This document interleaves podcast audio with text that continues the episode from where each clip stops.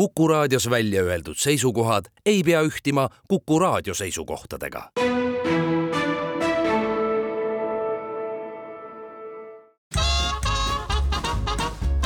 jäljed gloobusel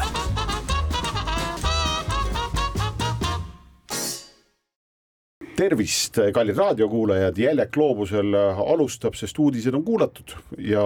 täna no ütlen kohe ära, et loomulikult on siin äh, Andres Karu ja Väino Laisaar. suur tere.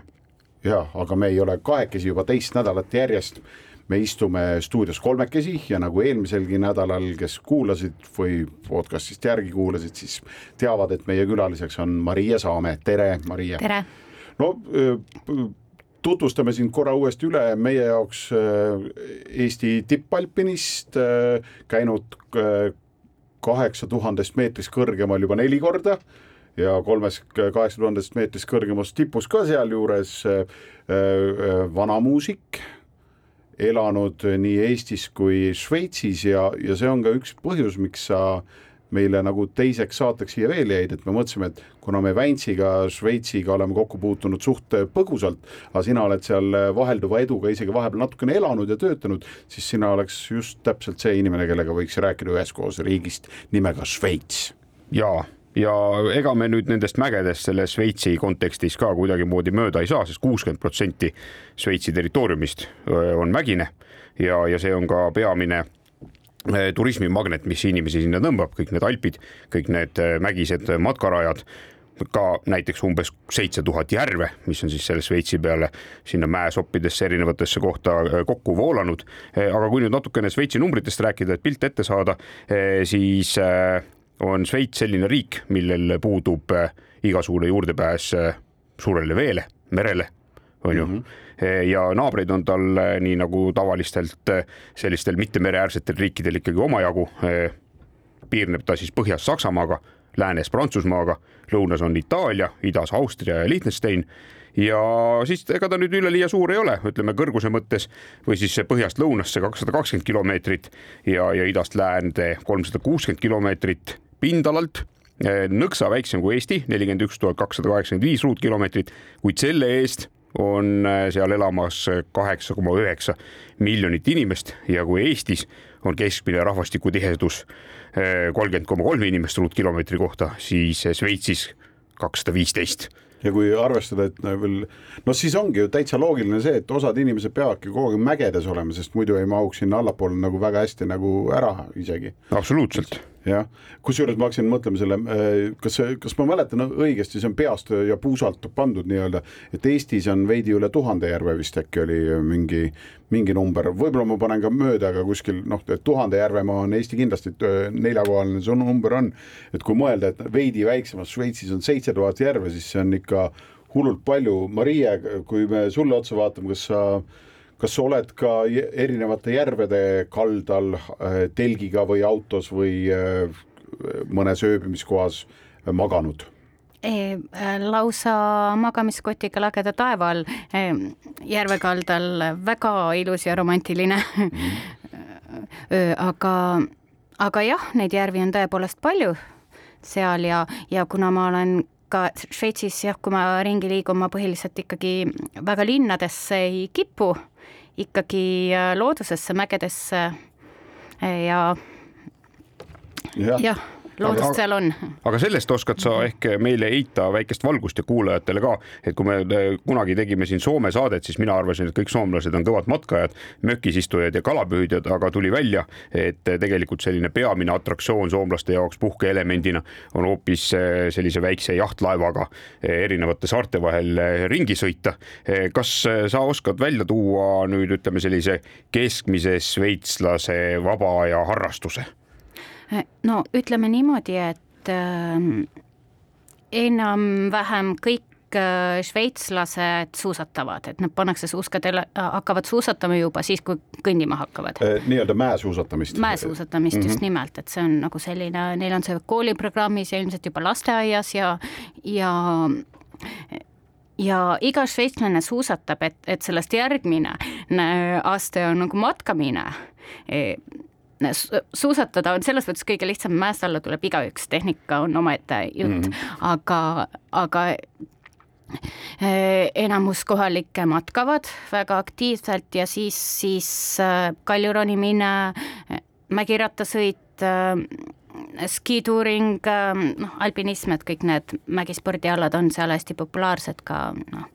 see on au sees ka kohalikel. no kindla peale võib öelda, et mhm. keskmise Šveitsi tee-ehitaja argipäev on ikkagi ka erakordselt keeruline. et kui sul on vaja teha ühest kohast teise mm -hmm. siis mingisugune raudtee või tee või asi, siis on kaks varianti. kas sa ehitad hiigelkõrgeid sildasid või puurid läbi mägede tunneleid, sest eh, näiteks eh,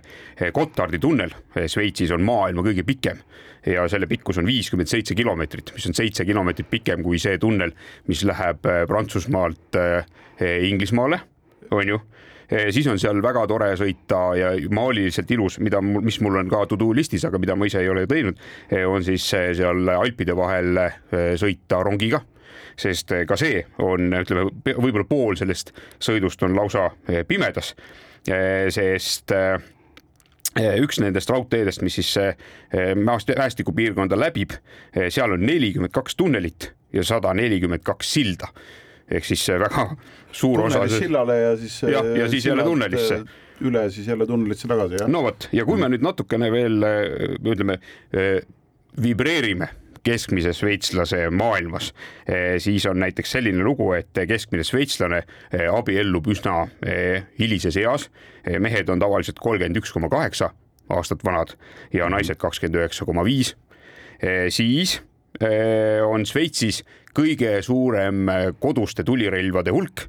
sellel on väga lihtne põhjus, kui sa oled sõjaväes ära käinud, äh, siis eeldatakse, et sa võtad relva koju kaasa, mitte et sa selle koju lähed laskma midagi, vaid kui on vaja laskma hakata, siis on igal šveitslasel kodus relv ja ta on valmis kohe astuma siis kodumaa ja, ja kõikide naabrite kaitseks välja. siis on šveitslased väga suured veinijoojad, kolmkümmend kuus liitrit näo kohta juuakse aastas liit, eh, veini ära, eh, viiskümmend kuus ja pool liitrit õlut, eh, kaheksa koma neli liitrit nii-öelda puhast kanget alkoholi. loomulikult on meil sealt pärit ju hulganisti šokolaade sest me teame Šveitsit kui kõvat kellatootjat.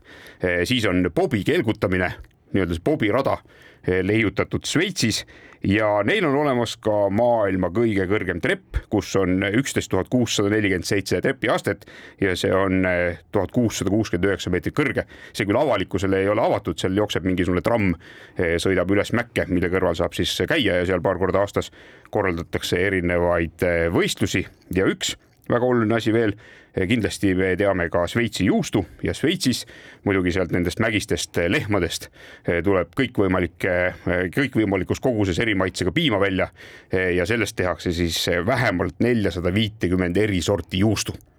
mm. -hmm vot näed, nüüd entsüklopeedilised teadmised Vantsi, Vantsi käest tulid nagu, nagu ludinal, jaa, kõlab hästi. mul selle tulirelvade koha pealt ma hakkasin kohe mõtlema jah, et täitsa loogiline ju, et kui sa šveitslane oled, et siis sa igaks juhuks pead olema valmis, sest iial ei tea, millal naabril katus ära sõidab jälle ja naabrid on neil seal jah, niisugused äh, läbi ajaloo ebastabiilse katusega jah, on. Marie, sa sattusid Šveitsi üldse äh, ju tegelikult sellepärast, et sa läksid edasi õppima nii-öelda. ja ma läksin sinna õppima vana muusikat, täpsemalt öeldes keskaja muusikat ja põhjus oli tegelikult väga lihtne, kuna seda eriala sellel tasemel, ülikooli tasemel lihtsalt kuskil mujal, kuskil mujal ei Euroopas ega mujal maailmas õppida ei saanud mm. -hmm. see oli mu ainuke valik ja osutus heaks valikuks. kas, kas seal on ka, kui sa lähed Šveitsi õppima, kas see on väga kallis või on seal mingi stipendium, et kuidas see üldse võimalik on sinna minna? Eh, eh, kallis on ta kindlasti, aga tegelikult on niimoodi, et see õppemaks on äh, suhteliselt sümboolne, eh, aga seal elamine on võib-olla, läheb maksma kaks korda nii palju, mul ei läinud, sest ma otsisin kuidagi õnnestus, õnnestus natuke soodsamad võimalused leida, aga, aga keskeltläbi seal elamine läheb veel poole rohkem maksma kui see õppemaks, aga samal ajal on kool nagu väga toetab nende kohalike stipendiumite leidmisega ja siis mind toetas ka Eesti Kultuurkapital natuke ja, ja siis kokku ikkagi oli see võimalik. me oma eelmises saates mm. rääkisime ära sinu toreda seiga, et läksid sinna pilli õppima ja siis küsisid endale kappi, sest telgis pill niiskub ja, ja, ja telgis kooli ees ei saa seda kuskil hoida ja siis nad Just. siis organiseerisid ka sulle väikese sellise elamiskoha. ja lisaks kapile sain ma stipendiumi ja mm. -hmm kas see, äh, kuidas šveitslased üldse, no üks asi on see, et kui sa lähed sinna õppima ja sa oled üliõpilane, aga kui sa ühel hetkel tahad sinna jääda ka elama ja töötama, kuidas šveitslased üldse suhtuvad sellesse mõttesse? no üldiselt seal on niimoodi, et välismaalastesse suhtutakse viisakalt, e, aga, aga väga hästi omaks ei võeta aga seal on nagu teatud kriteeriumid, mille alusel ja kõige esimene asi on see, et, et et, et sind Šveitsis omaks võetaks, peab sul olema raha. et seal siin nahavärv ja kultuur ja kõik need asjad ei oma mingit tähtsust, et kui sa oled, kui sa oled vaene rott, siis vahet pole, mis värvi sa oled. Et šveitslastele ei meeldi vaesed rotid, jah ja,, just. minu kogemus. kusjuures läks nagu juba läks nii põnevaks, et ka kahju on katkestada, aga teatavasti kommertsraadiod tihti elavad tänu reklaamitellijatele. kuulame, mis neil öelda on jäljed gloobusel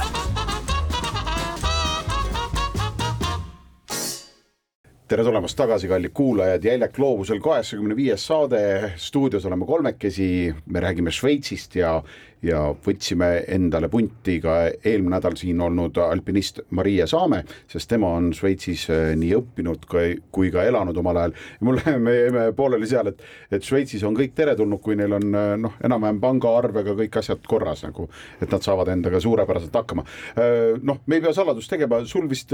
kogu aeg nii hästi ei ole läinud, et aga kuidas näiteks ka Šveitsis on võimalik hakkama saada, et näiteks kui sa avastadki, et sul ei ole jõudu näiteks rentida endale kasvõi ühetoalist korterit, et mis sa siis teed, kuidas sa seal hakkama saad? et tegelikult on niimoodi, et äh, Šveitsis, kellel on juba mingi pikaajaline elamisluba, on igasugused need sotsiaaltoetusid, noh,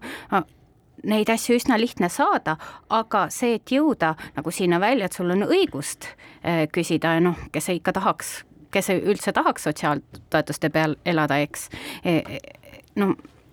mina pole seda tean. kunagi teinud ja., jah, aga,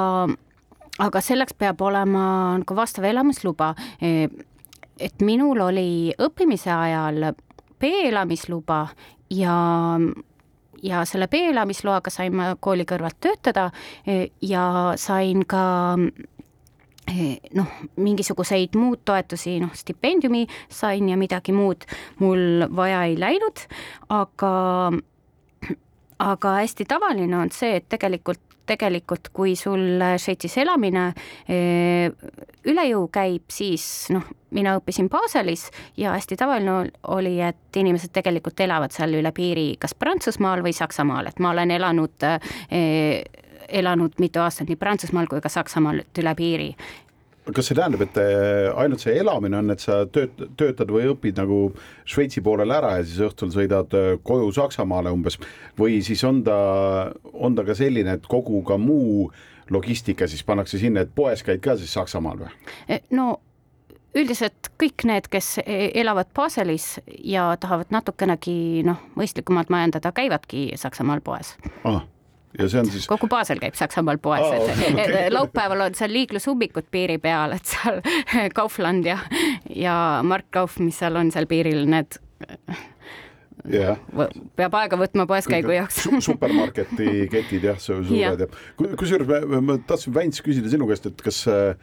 vaata üle Šveitsi piiri saamine, kuna ta ei ole nagu äh, ta on Schengeniga vist kuidagi nagu mingi leping on. ongi, kuulub Schengeni alla. aa, ikkagi Schengeni alla kuulub, et aga seal äh, Šveitsi piir on küll see, minu mälestused on kõik see, et ma ikkagi päris nagu niisama üle piiri ei ole saanud kunagi sõita, et mind on alati nagu kinni peetud. ja seal on see kontrollpunkt on vahel, ma nüüd ei mm -hmm. ole küll viimastel aastatel seal käinud, võib-olla on midagi muutunud, aga tegelikult saab siit näiteks paralleeli tõmmata kohe Balkanisse, kus veel mõned aastad tagasi oli näiteks Horvaatia piiri ületades piirikontroll ja mm, -hmm. ja, ja noh, muidugi Schengenist väljapoole minnes nüüd Horvaatias, kui sa Bosnia-Hertsegoviinasse lähed või noh, need teised Serbiad ja, ja muud sellised äh, põnevad asjad seal tee peal, et ikkagi niisugune kontroll on, aga, aga noh, mingit erilist peedistamist äh, seal ette ei tule, lihtsalt kontrollitakse ära, kes siseneb, kes väljub. et, et tõenäoliselt oleks siis äh, nii-öelda nagu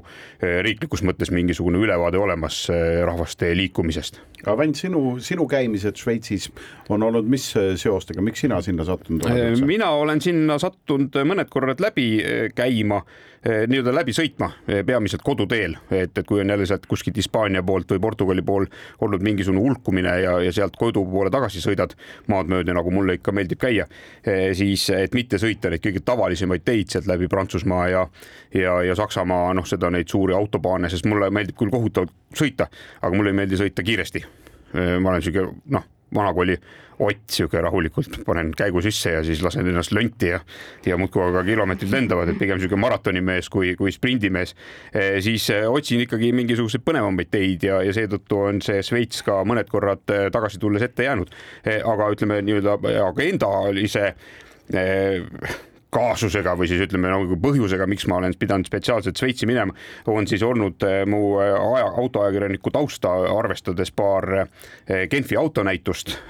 kus on siis olnud vaja osa võtta selleks, et olla asjadega kursis. Ja, ja üks nendest aastatest oli siis kaks tuhat kolmteist, kui me sõitsime tegelikult Riiast Peugeot'dega Genfi autonäitusele niimoodi, et me siis isekeskis tegime ökosõidurekordit et kolm või neli ekipaaži autoajakirjanikke siis Peugeot'dega Riias startis ja, ja siis eh, võitja oli siis see, kes siis Genfi jõudis kõige väiksema eh, ajakuluga. ja, ja noh, see Genfi autonäitus iseenesest on üldse meeletu ettevõtmine tuhande üheksasaja viiendast aastast. seda seal juba korraldatakse, no põhimõtteliselt autos, maailmas oli umbes neli autot sellel hetkel on ju. noh mm -hmm., küll veits rohkem on ju, aga, aga noh, ühesõnaga midagi on juba näidata olnud ja, ja, ja see on olnud väga silmi avav ja tore kogemus alati seetõttu, et, et kui vähe sellest, et seal on meeletu kogus neid neid uusi eh, autosid, tehnikaid, mingeid tulevikumudeleid välja pandud, siis on seal alati olemas ka mingisugune kontingent, kes eh, mõõdulintidega ümber nende autode eh, ja autode all roomavad ja mõõdavad erinevaid detaile. tõenäoliselt siis pärit kuskilt Aasiast on ju, eh, väike vihik on käes, mõõdetakse need uudismudelid kõik üle, kõik vajalikud asjad, kui, kui suured on tuled, kui kõrge on maast, kui millised detailid on, kui pikad. ja, ja siis see on niisugune põnev parv selliseid pigem Aasia päritolu inimesi, kes siis mõõdulintide ja, ja, ja joonlaudadega seal autonäitusel kõik need autod sellise eh, piinliku täpsusega üles täheldavad ja tõenäoliselt siis saadab faksiga eh, siis sinna autotehasesse selle oma mõõtmistulemused ära ja seal pannakse kohe stants tööle ja, ja tuleb sellise sarnase näoga eh, Hiinat või Hiina päritolu autosid kohe hakkab turule pahisema. kõlab päris põnevalt, et neile nii-öelda kätte ei ole veel ette pandud selle koha pealt. Maria, kuidas tundub, kas äh, kas tänu sellele, et eh, Šveits noh, eh, paberil tundubki nõnda, et kõik, kes Šveitsis käivad või elavad, on ju, et nad on, isegi kui nad teevad kõige lihtsamat tööd, on ju, et nad on hullult rikkad, on ju, et kas kas see on, kas see meelitab ka nagu väga palju eh, inimesi, kes tahaksid sinna oma elu rajada? see ei ole tegelikult nii lihtne, sest äh, Šveitsi nagu töötamiseks elamis, elamisluba saada, sa ei ole lihtsalt niimoodi, et lähed ja äh, lähed ja elad seal nii kaua, kui tahad, et seal antakse noh, kolm kuud võib viibida äh, noh, ametlikult vähemalt ilma elamisloata või võib ka taotleda pikemaks ajaks nagu ajutist luba töö otsimise ajal, aga, aga tegelikult selleks, et et nagu šveitslase kombel täieõiguslikult elada, sul peab olema ikkagi selline pikaajaline töö ja elamisluba, et see ei ole nagu Euroopa Liit, et elad elad, kus tahad ja selleks peab olema, selleks, et saada seda luba, peab sul olema töökoht, kus, kus sa teenid vähemalt noh, seal, seal üle Šveitsi elatusmiinimumi ja selleks, et üldse, üldse ükski asutus, ettevõte, firma sind palkaks, peab olema põhjus, miks ta, miks ta ei saa kohalikku palgata. Mm.. sa pead Kas... olema, tegelema mingi väga spetsiifilise asjaga. Et lihtsalt suvalisi õnneotsijaid sinna, sinna noh, nii lihtsalt sisse ei lasta. kas, kui ma küsin, sa oled, sa oled vanamuusik, sa mängid äh, pillidel, mis mis mõeldi välja juba noh, peaaegu tuhat aastat tagasi, võib niimoodi öelda, noh, kaheksasada, üheksasada aastat tagasi. kas, kas sellel Šveitsis on turgu või kas vanamuusikuna Šveitsis on võimalik üldse ära elada professionaalina? E siin võiks küsida, kas sellega on üldse kuskil võimalik ära ah. elada see on natuke, natuke valus küsimus, et sest tegelikult, tegelikult Baseli probleem, noh, on see, et sinna koonduvad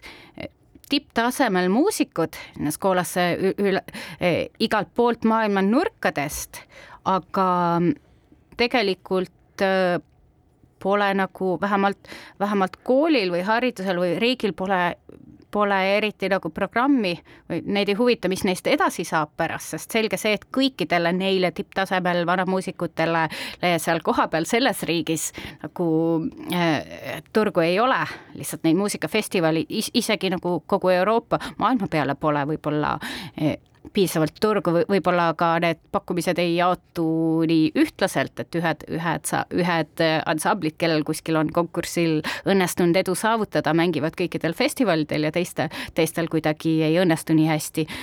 aga, aga jah, jah, mul on isegi öeldud eh, koolist, kus ma õppisin, et nende huvi ei ole see, et inimesed tuleksid sinna õppima ja jääksid Šveitsi, vaid pigem see, et me läheksime tagasi oma riiki ja arendaksime siis seda eriala, et, et mingis mõttes on see õige, aga noh, lihtne öelda, et, et äh, mine tagasi mm -hmm. riiki, kus, kus sul on nagu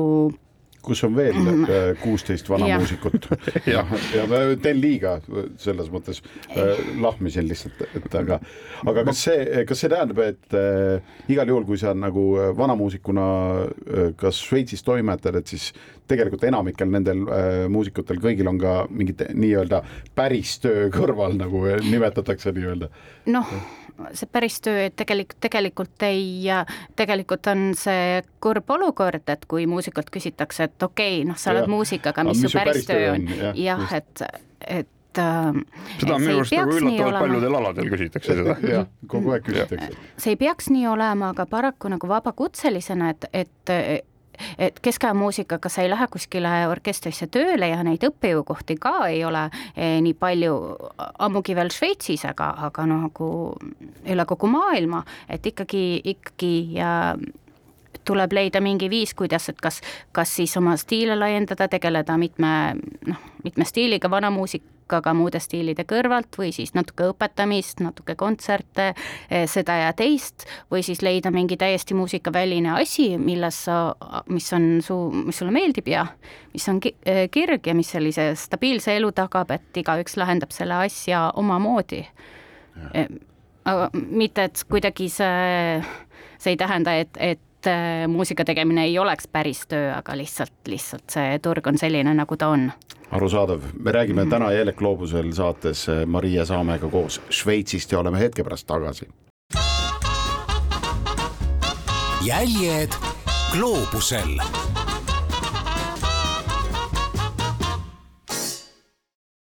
Nõnda paus jälle läbi, kõik on ära kuulatud, eh, mida oli vaja kuulata ja kõrva taha panna. ja järgmine asi, mida kõrva taha panna, on siis jälle Globusel saade. Karu Vents ja Maria Saame on stuudios, räägime Šveitsist ja kui sa siin enne rääkisid, et nii-öelda koolis tuleb, tuleb õppida ja tuleb vaadata selle järgi, kuidas siis teha mingisugust tööd, et Šveitsis elada kannataks.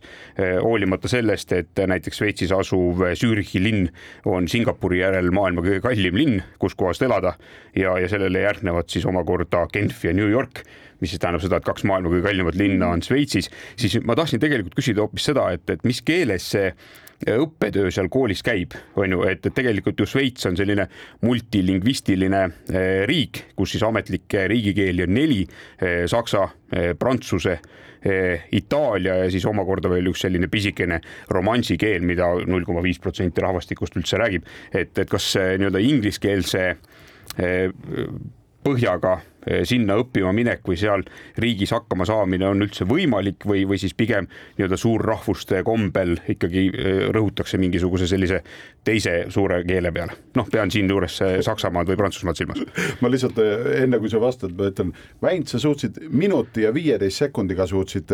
täitsa küsimuse ära esitada, moodustada küsimuse, väga tubli töö, sa ikka arened ei, see kõik oleneb tegelikult koolist ja erialast, et, et äh, et minu kool, see Vanamuusika Instituut, Schola Cantorum, oligi väga rahvusvaheline, et, et tegelikult saksa keelt ma kahjuks selle nelja ja poole aastaga seal õppides selgeks ei saanud, et kõik toimus inglise ja prantsuse keeles, et mingis mõttes oleks isegi, isegi kahetsen, et seda saksa keelt rohkem ei sunnitud peale, et, et toona eh, kool mingit keelekursusi ei korraldanud, võib-olla ka selle huviga, et lõpetate koolid ära, lähed tagasi, mis te ikka siia jääte aga noodikiri on igas keeles sama, on ju, et seal ei ole mingisuguseid teistsuguseid? nojah, et seal oli ka see eriline, et õppejõud ise olid erinevatest riikidest, et äh, kes, mõned neist ei rääkinudki saksa keelt, kuigi Basel on iseenesest saksakeelne linn Saks-, Šveitsi saksakeelses piirkonnas, et kui midagi natuke teistsugust tahad õppida, siis pead ikkagi arvestama, et saksa keel võiks olla selge. ja tööd leida on palju-palju lihtsam me peame ikkagi Šveitsi puhul, me, ei saa üle ega ümber muidugi ka mägedest, et äh, sa oled juba maininud, et üsna nii kui võimalus on, siis üks osa sinu treeningust ongi see, et sa reaalselt lähed ja teed mingeid marsruute koos teiste ronijatega, vahel üksi äh, vist tõenäoliselt ka või siis ainult ühe kaaslasega, kuidas kunagi on ju. et äh, millised need Šveitsi alpid on või mis, mis sind kõige rohkem nende juures nagu köidab kuidagi? noh, peale selle, et nad on ilusad, väga intelligentne vastus mm. -hmm. no peale selle on, noh, ma võtangi Šveitsis ronimist, Šveitsi maastik on tegelikult noh, ta ei ole ju metsik, see on tegelikult kõik kujundatud maastik, eh, kõik need matkarajad ja, ja isegi tehnilise ronimise marsruudid, aga, aga mis mulle Šveitsi juures meeldib, on just see, et Šveits on nagu üks suur eh, treeningsaal mingis mõttes, et, et ma, kui ma tahan nädalavahetuseks või kasvõi üheks päevaks kuskile minna, ma vaatan kõigepealt ilmateate, kus Šveitsi osas on kõige parem ilm, ma lähen nendele lehtedele, kus ma saan täp-, vaadata kõik need laviinikaardid ära ja siis vaatan, et mida ma nüüd treenida tahan, et kas ma võtan mingisuguse, kas ma tahan jääd ronida või võtan mingisuguse see sega või kaljuronimismarsruudi, mis vaatan välja, kellega ma lähen, mis tase meile kahele sobiks ja siis, siis võtta lahti SAC, Šveitsi alpiklubi Turenportaal. Ähm, ja otsin lihtsalt välja kõik nendele kriteeriumitele, oma kriteeriumitele vastavad marsruudid, detailid, nii marsruudi kirjeldused, et ma ei pea minema kuhugi mingisugusele kõige kuulsamale kommertslikule tipule, sest neid variante, äh, kuhu minna, on nii tohutult palju ja ma mm -hmm. saan valida äh, just täpselt enda kriteeriumitele vastava, et noh, tahan näiteks mingisuguse kümne, kümme köietäit multipitch, äh, noh, mingi, mingi rada ta kategoorias kuus A, mis iganes. Äh, leian endale sellise kriteeriumiga marsruudi ja lihtsalt lähen. ja see on treenimiseks tohutult head tingimused ja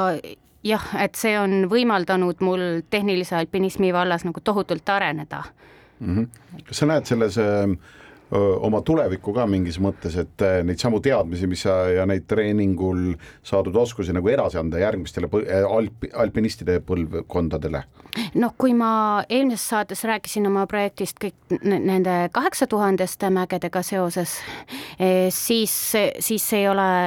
tõepoolest mu ainuke eesmärk alpinismis, et ma olen võtnud äh, üks mu selliseid unistusi või eesmärke on, on äh, teha endale IFMGA, äh, see on äh, kõige kõrgem kvalifikatsioon, mägigiidi kvalifikatsioon, rahvusvaheline ja tegelikult ilma selle, ilma selleta tegelikult Šveitsis ega enamikes kohtades Euroopas üldse alpinistlikke marsruute juhendada ei saa ega ei tohi. kas Šveitsi alpides vahel on nagu sinu jaoks ka äh, mingis mõttes nagu igav, et äh, sa enda arvates lähed mingit marsruuti ronima, kus äh, ei tohiks nagu väga palju teisi olla, aga ikka sa kohtad seal nagu väga palju mingeid teisi gruppe või sa lihtsalt avastad, et mingil hetkel kuskil on juba pandud äh, statsionaarsed kinnituskohad ja jaamapunktid juba kalju sisse ära. et kas see häirib sind ka, et on see vahel liiga tsiviliseeritud seal Šveitsis? no no Šveitsi alpides on tüüpiline, et, et väga-väga-väga palju marsruute on polditud, neid, neid, mis, mida ei ole, on pigem vähem, et Šveits on väga-väga ära mhm. polditud, aga samas see annab võimaluse just ennast nagu tehnilisematel asjadel treenida, et võib-olla, e, võib-olla see tehniline marsruut e,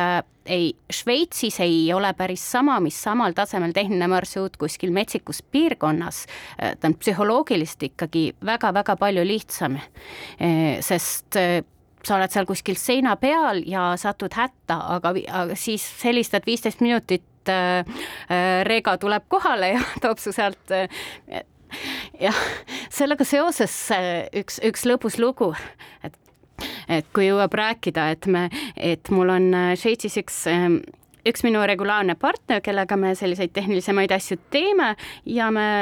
otsustasime, et et ronime midagi nädalavahetusel ja,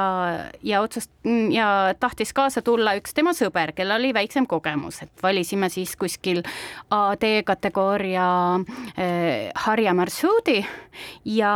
noh, see, seal ei, see ei olnud polditud kuna see oli tipuhari, seal näi-, oli vaja natuke noh, teha ankruid, sellist traditsioonilist varustust klemme frende kasutasime äh,, aga mitte palju ja, ja läksime siis niimoodi, et minu kõige noh, minu sõber oli ees, mina olin taga ankruks ja kõige väi, väiksema kogemusega ka mees meil oli keskel. Ja siis tegime siis seda harja, kui oli äh, tulemas kõige tehnilisem lõik äh, ei olnud väga raske mingi 4C kalju ronimine, aga kuna rada polnud päris, no polnud päris selge, kuhu poole minna, siis mu sõber ühel hetkel äh, sattus hätta, et, et äh, oli püstise seina peal, edasi ei saa, tagasi ka ei saa, sest viimane, viimane julgestus oli, oli mingisugune klembraos, et kui seal, kui ta oleks sealt kukkunud, siis oleks äh, seal kümme meetrit allpool oli, oli selline astang, et see ei oleks hästi lõppenud. Ja siis ütleb, kuule kuule, asi on hal-, halvasti, kutsuge helikopter siis meie teine kaaslane, kes räägib saksa keelt paremini kui mina, helistas siis Regale, ootasime seal helikopterit, julgustasime sõpra, et ta noh, seal vastu peaks. jalad värisesid, noh muidu tugev ronija, aga noh, olukord oli kehv. siis helikopter tuleb ja see mees lastakse selle kaabli otsas alla lõikavad köie läbi ja seal ma näen, kuidas mu sõber seal äh, köie otsas lendas minema. ma kõlgub seal nagu James Bond ja temaga koos lähevad lahkuvad lavalt ka meie, kogu meie, kõik meie slingid, klemmid oh., julgestusvarustus, kõik, mis veel vähegi ja siis ma küsin, teised kaaslased, kuule noh, tulevad tagasi, korjavad meid ka üles. ei, mis ma ütlesin, et me saame ise alla ja ilus. siis meil oli vaja see marsruut lõpetada, et ma, ma juhtisin meie kaaslase alla ainsaks laskumisvarustuseks oligi vist üks sling ja üks klemm ja, ja midagi oli seal veel. Ja, ja lõpus jäime veel pimeda kätte ja see oli minule selline juhtimisväljakutse päris, päris hullult kõlab, nagu see sling on siis nagu selline noh, abi, abinöör, millest saab teha noh, ka niisuguseid. saab teha laskumisankruid näiteks ja igast muid panna, asju. panna ennast enesejulgestusse nii-öelda vahepeal ka, kui, kui muudki ei saa. aga me teeme jälle ühe väikese pausi, sest aeg surub armutult peale jäljed gloobusel.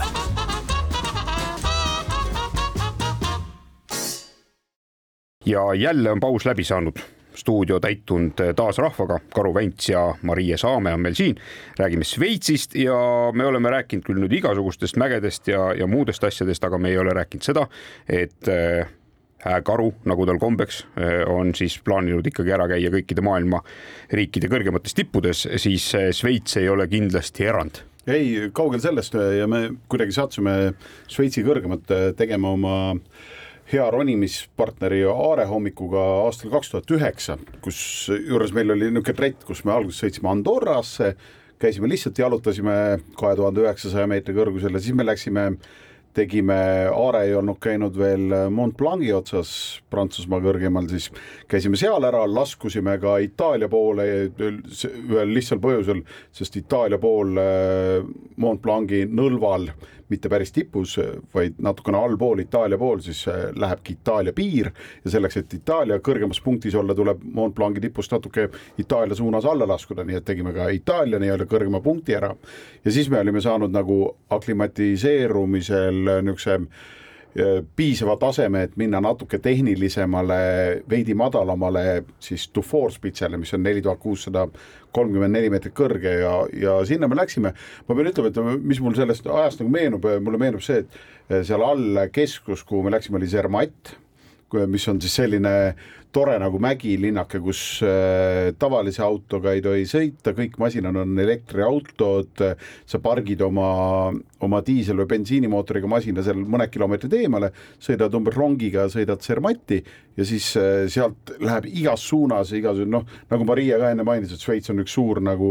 ma ei tea, ronimissaal enam-vähem on ju vabas õhus on ju, et igale poole saad minna ja igasuguseid asju teha, et noh, Zermati ümber eriti kontsentreerunult, et seal imelised vaated äh, Šveitsi Šveitsi kõige tuttava, tuntumale mäele, Matterhornile, noh, mis kõigile tuleb Tobleroni karbi pealt vist tuleb nagu enam-vähem see mäe sarvekujuline mägi tuleb nagu ette. Ja, ja siis sealt ühtlasi siis äh, sõidavad rongid ka mägede vahel ülespoole ja meie hüppasime ka mingi rongi peale mingil hetkel ja sõitsime siis Dufour spitsele nii lähedale, kui, kui andis ja siis äh, hakkasime kõndima mäe suunas, olime ühe öö, aga ma mäletan seda, et Aarel jah, minu ronimispartneril tal sõlmedega veel kõik väga hästi ei olnud. Ja siis ma ka noh, Maria tõenäoliselt saab kinnitada seda, et noh, et kuidas et mis tunne on sõlme õppida merepinnal päevavalguses ja sooja ilmaga. Ja siis ühel hetkel, kui on seda vaja teha pealambi valgel öösel kell üks liustikul on ju nelja tuhande kahesaja meetri kõrgusel on ju sama sõlme, on ju, et siis võtab see mingil põhjusel nagu äh, kõvasti rohkem aega, nii et mul, mul ongi meeles see, kuidas me Aarega veel õhtu enne ilusti seal juba Dufouri all äh, mäenõlval kuskil, ma arvan, mingi kolme tuhande, võib-olla neljasaja meetri kõrgusel või kolme tuhande kahesaja meetri kõrgusel laagris, siis ma õpetasin talle vahemehe sõlme, üks noh, tegelikult ei ole väga keeruline sõlm, siis õpi-, õpetasin seda ja siis, kui me öösel nagu lõpuks jõudsime, käisime liustiku peal veel luurel, kus me katkisime osa, sealt saame hommikul nagu paremini ületatud ja kiiremini, et vähem aega raisata. ja siis mul lihtsalt kõige rohkem on meeles selles reisis see, kui ma pealambi pöörasin Aare suunas, mõõtsin talle välja köie õige koha, andsin köie jupi, ütlesin tee siia vahemehe sõlm, pane endale kassid alla ja, ja siis pane noh, vahemehe sõlmega pane ennast on ju umbes köie külge ja siis äh, hakkasin, pöörasin tema poolt ära, panin kassid alla, tegin endale sõlme, lappasin äh, köie parajaks ja siis pöörasin pealambi aare poole tagasi ja ta seisis täpselt nagu ma talle selle köiejupi olin kätte andnud, täpselt samamoodi ta seda hoidis kahe käega kinni ja siis küsis lihtsalt, oota, kas see esimene kaar tuli teha nagu, oota, kas ta siis läks sealt läbi või sealt läbi, nii et noh, ta ei olnud kaugemale jõudnud, ta oli pusinud kogu aja, et siis äh, see, see vist seal üleval, see, mis Maria on rääkinud siin ka, et et noh, seal üleval on natukene keerulisem nendega, et on hea, kui oled natukene aklimatiseerunud ja tunned ennast juba hästi, et siis tulevad vist asjad natukene kiiremini. Jah, aga no need sõlmed peaks olema ikkagi selged, hea, kui on selge tunne pealt, et me Šveitsi sõpradega, noh, kui me oleme, ütleme, seltskonnas mingisugune seltsiüritus, noh, ma ise alkoholi ei armasta, ei joo, olen olen alati see kaine autojuht äh, seltskonnas, aga kui noh, on äh, kokkusaamine sõpradega, kes noh, väheke alkoholi võtmist ja ronimissõbrad, siis me teeme alati seda, seda mängu, et kin-, kinnise silmadega ka sõlmede tegemise, et kes, kes kõige kiiremini, paremini teeb, see, see siis sõidab. et, et tegelikult jah kinnisilmi tuleks neid põhisõlmi ikkagi osata. okay., mis sa arvad, mitu sõlme üldse kokku on, mille, mida sa kasutad umbes oma ronimistel? tegelikult eh, neid, mida oh, see on keeruline küsimus, neid, mida eh, neid hädavajalikke on võib-olla noh, sõltub ka, kas minna, kas minna kasutada tugiköisimägedes, noh, Šveitsis kindlasti ei kasuta, aga, aga suurtel ekspeditsioonidel saab hakkama isegi kolme, nelja, viiega, aga tegelikult neid, mida, mida keerulisemaks, noh, päästetöödeks läheb vaja võib-olla seal ikkagi üle kümne või mm -hmm. okay. isegi neid, mida oskan, neid on ikkagi mitukümmend, mida võiks osata, kui sa oled kogenud ja, ja tahad veel teisi juhendada mm. -hmm kas, kuidas sul Šveitsiga, kui me hetkeks jätame mäed kõrvale, noh, kas, kas see palju sa üldse ringi oled saanud liikuda Šveitsis nõnda, et noh, käia ka mingites kuskil, ma ei tea, ollagi kuskil hoopis teises linnas vahepeal või linna servas mingi järve ääres, on sul neid võimalusi ka olnud? no pigem need on noh, kui kuskile linna lähen, siis tööalaselt, et, et vabatahtlikult, vabatahtlikult kuhugi linna puhkama ei lähe, et ikkagi, ikkagi loodusesse mm. -hmm milline Šveitsi inimene on, kui panna nagu Eesti inimesega kõrvuti, mis on kõige suurem erinevus või kõige suurem sarnasus üldse? et šveitslased, kas nad on, ma ei tea, noh, et ma, ma ise nagu nõnda puusalt pannes tahaks öelda, et et, et nad vist on äh, suhteliselt konservatiivsed, ega ma ei eksi? Nad on konservatiivsed, nad on Nad on selles mõttes eestlastega sarnased, et nad on nagu viisakad, aga väga omaks ei võta. Ja aga Šveitsis kehtib hästi palju, et noh, et neil on see no see selline demokraatia, et iga asja kohta rahvahääletused ja šveitslased on hästi aktiivsed oma sellise elukorraldusel ja elu korraldamisel ja ja Šveitsis on nagu väga hea naabrivalve, et noh, kui sa kasvõi näiteks sõidad tänaval jalgrattaga kohas, eh, kus ei tohiks sõita või sul noh, mingisugune, ma ei tea, äh, tuli ei põle, siis on, äh, siis mõni minut ja leidub keegi kohalik, kes seda sulle lihtsalt ütleb mm -hmm. või et politseid pole vajagi, et, et äh, kohalikud teevad selle töö politsei eest ära mm. -hmm. vahel on see üsna tüütu, aga. kas, kas sul kordagi on Šveitsis olnud ka sellist tunnet, noh, tänu pigem siis äh, kohalikele inimestele või kes iganes seal on olnud, et oled sa ennast ka vahel ebaturvaliselt tundnud Šveitsis? kui need mõned mäel rippumised välja jätta, kui kogu varustus on parasjagu minema lennanud koos ronimiskaaslasega? ebaturvaliselt ma ennast, no Šveits, no see on päris üsna tõsi, et Šveits on üks kõige turvalisemaid riike maailmas. et pigem olen tundnud võib-olla jah jah mm. -hmm. kas sulle, kas sa kujutaksid ennast ette ka täitsa elamas noh, stiilis elu lõpuni Šveitsis ennast? pigem ei kujuta. pigem ei kujuta, et mul järjest rohkem, rohkem saab selgeks, et vähemalt, kui mitte varem, siis vähemalt vanaduspõlve pigem ikkagi veedaks Eestis, et siis neid erinevaid mägesid ju, mida, mida seal ronida ja, ja mille najal eh, oma eh, nii-öelda mägironija karjääri arendada, neid on ju seal meeletus koguses. kindlasti, et selles mõttes see see tihe käimine nagu praegu, praegu ka pendelan hästi palju, sõidan Eesti ja Šveitsi vahet, et, et see kindlasti jätkub veel pikemat aega, aga et sinna päriseks jääda, ma, ma ei ole veel kindel, aga never say never mm. -hmm mis su tulevikuplaan on senikaua, kuni sa nüüd ühe korra oled nii vana, et sa enam ei taha seal olla, kas sa näed oma vaimusilmas, et sul on seal mägedes selline oma majakene, kus siis toimuvad eh, Marie Saame eh, alpinismikoolitused ja, ja oled selline nii-öelda alpinismi eh, juht ja, ja, ja suusainstruktor või, või on sul mingisugune plaan paika pandud? no seda plaani, et, et kuhugi jääda paikseks, seda, seda ma ei kujuta praegu ette, kuidas ma suudaksin väga kaua ühe koha peal istuda, et, et lub-, aga lubadusi ei saa anda. no see on võib-olla natuke liiga vara, Väins, kusjuures ühele sinu varasemale küsimusele eh, ma saan vastata ka, et, et alpinistide parimaks eaks loetakse kolmkümmend viis kuni noh, niisugune viiskümmend, viiskümmend viis. Ja, ja lihtsalt ütlen ära ka, et, et, et rohkem täpsustamata, et Marie ei ole isegi parimasse alpinisti ikka veel jõudnud. Nii et tal on ikka hullult nagu mõnuga saab veel käia. Ja, ja see alpinisti puhul ju kehtib ka seda, see, et mida aasta edasi, seda rohkem sa oskad ennast tänu oma kogemustele hoida ju. jaa, kindlasti noh, alpinist võib-olla, võib-olla sa teatud tehnilise tulemuse jaoks äh, aitaks, kui varem alustada, aga alpinismis selline küpsus äh, ja just see enesehoidmine äh, pikemas, pikemas plaanis kui üks, üks see kiire sooritus, et see on hästi oluline, et või loodetavasti need parimad ajad on alles ees, nagu te ütlete aga me peame nüüd ütlema suur-suur aitäh, Marie, sulle, et sa olid nõus kaks saadet meiega koguni koos olema siin Jäljak gloobusel äh, stuudios. Ja soovime sulle igal juhul edu nii kaheksa tuhat pluss tippudega, mis sul plaanis on, kui ka kõikide muude uute marsruutide ja ja sinu elu sä sättimistega ka, nii et aitäh veel kord sulle tulemast. jälle Gloobuse stuudiol, stuudios olid siis taaskord, seekord siis koos Mariega, Väino Laisaar ja Andres Karu. suur tänu, et kuulate meid ikka ja püsige avarad. jäljed